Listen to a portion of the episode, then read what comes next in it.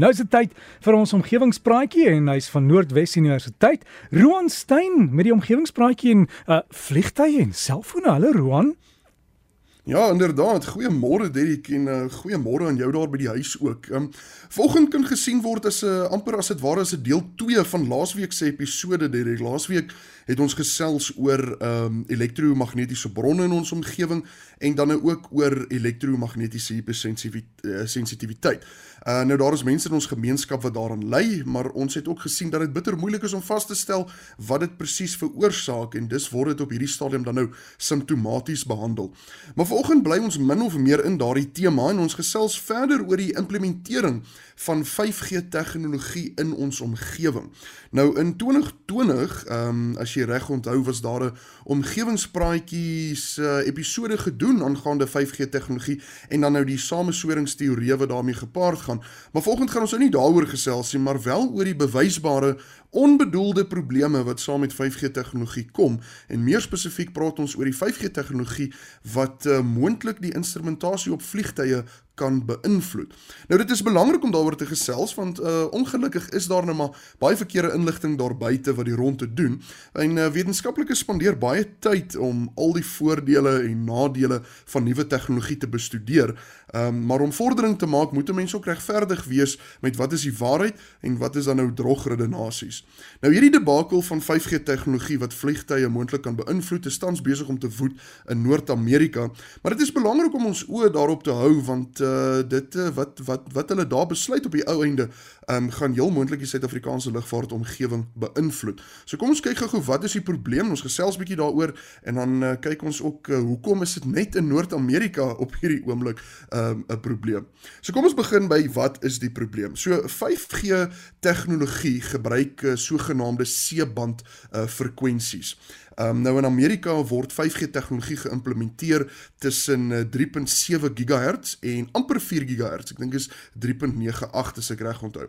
Nou voorheen was daar nou nie juis enige noemswaardige tegnologie wat hierdie frekwensies gebruik het nie en dis word uh hierdie frekwensies uh, of hierdie frekwensiebande nou beskikbaar gestel vir 5G tegnologie.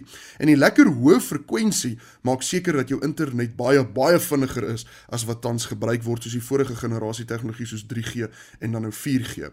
So wat nou in Amerika gebeur het is dat die raad wat in beheer is van die frekwensies is se gebruik het uh, daardie band is nou daai tussen 3.7 GHz en amper 4 GHz um, op veiling verkoop. En die twee grootste selfoonoperateurs in Amerika het uh, basies die toegang tot daardie frekwensieband gekoop. En tussen die twee van hulle het hulle uh, net meer as 81 biljoen Amerikaanse dollar betaal daarvoor wat hulle natuurlik nou vir kommersiële gebruik aan mense gaan verkoop. Nou frekwensies is moontlik seker die duurste ding daar buite want daar is net ek soveel uitbreekbare frekwensies en almal soek een. Radiostasies, TV-stasies, selfoonoperateurs, amateur radio mense, almal soek een. En dit is baie waar dat ons sien hoe duur hierdie frekwensies is as ons kyk na die pryse wat hierdie maatskappye bereid is om te betaal.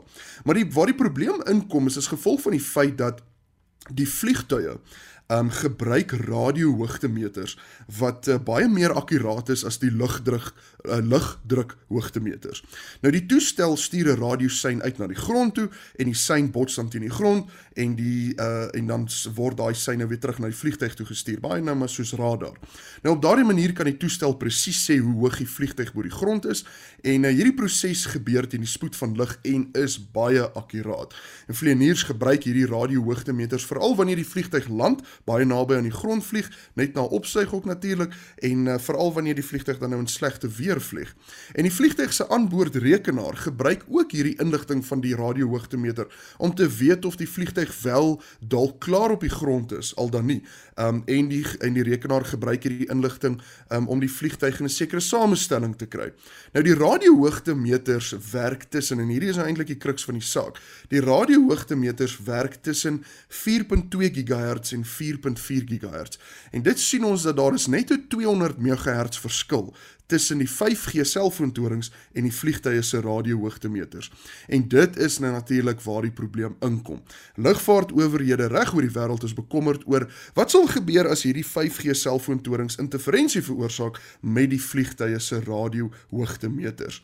En jy kan net dink as die radiohoogtemeters nie reg werk nie, veral tydens 'n landing in slegte weer waar die loods dalk nie die aanloopbaan kan sien nie en die rekenaar totaal en al op die radiohoogtemeter vertrou, kan dit dan natuurlik nou 'n bietjie probleem veroorsaak as daar interferensie is. Maar 'n mens moet ook nou bysê en ek dink is belangrik dat 'n mens dit moet bysê. Soos dit nou staan, is daar nie oorvleueling tussen die frekwensies nie, maar daar is 'n moontlikheid van uh, interferensie omdat die twee frekwensiebande so baie naby aan mekaar is. Nou wat die probleem effens meer kompleks maak is die feit dat 5G selfoontorings stuur die sein as dit ware as mens dit so eenvoudig kan stel reguit na jou foon toe.